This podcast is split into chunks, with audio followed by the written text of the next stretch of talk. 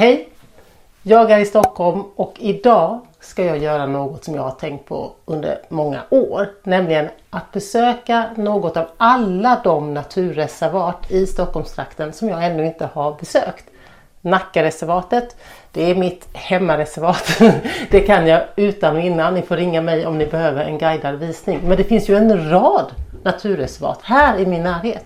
Nu ska jag göra lite research och eh, ja, hitta något av dem.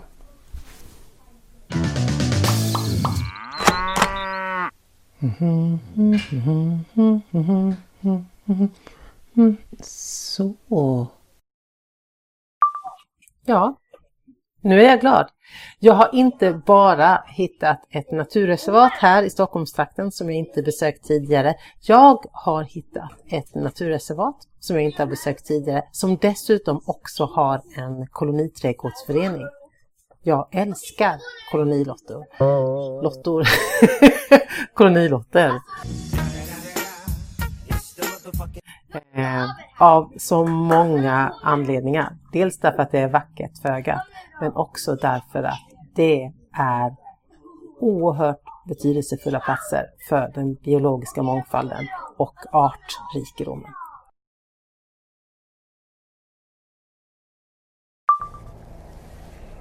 Titta, jag är i Årsta i Stockholm i koloniträdgårdsföreningen Dianelund.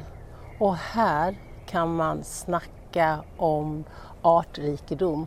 Det är så, det är på gränsen till löjligt vackert, men också oerhört betydelsefullt.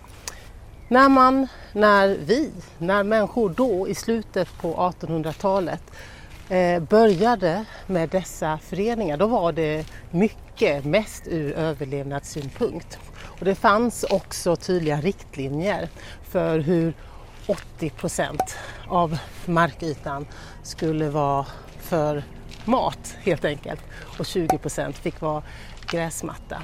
Det har ju förändrats över tiden men kolonilotternas betydelse, inte minst när den biologiska mångfalden är hotad och hela vår överlevnad står på spel, den kan man inte förringa.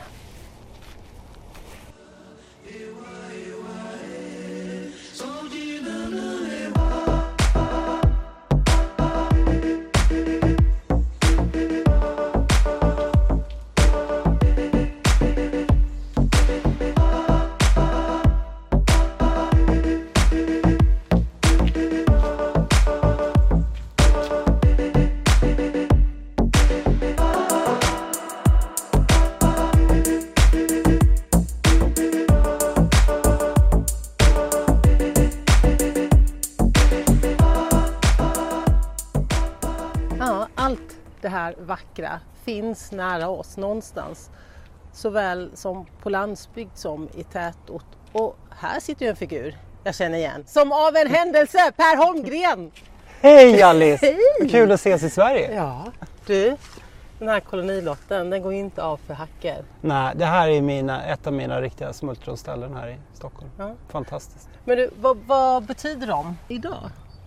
Ja, men framförallt så är ju det här verkligen raka motsatsen till det eh, storskaliga, industrialiserade, globala jordbruks och matindustrin som finns. Det här kan ju såklart inte ersätta all matförsörjning för en växande världsbefolkning men det är så otroligt viktigt just för eh, mångfalden. Och då tänker jag inte bara på att man odlar en massa saker Nej. olika. Utan också det faktum att det finns så gott om, om insekter, pollinerande insekter. Och Alltså, de här ekosystemtjänsterna som man alltid återkommer till, de funkar ju här. De trivs här. Ja.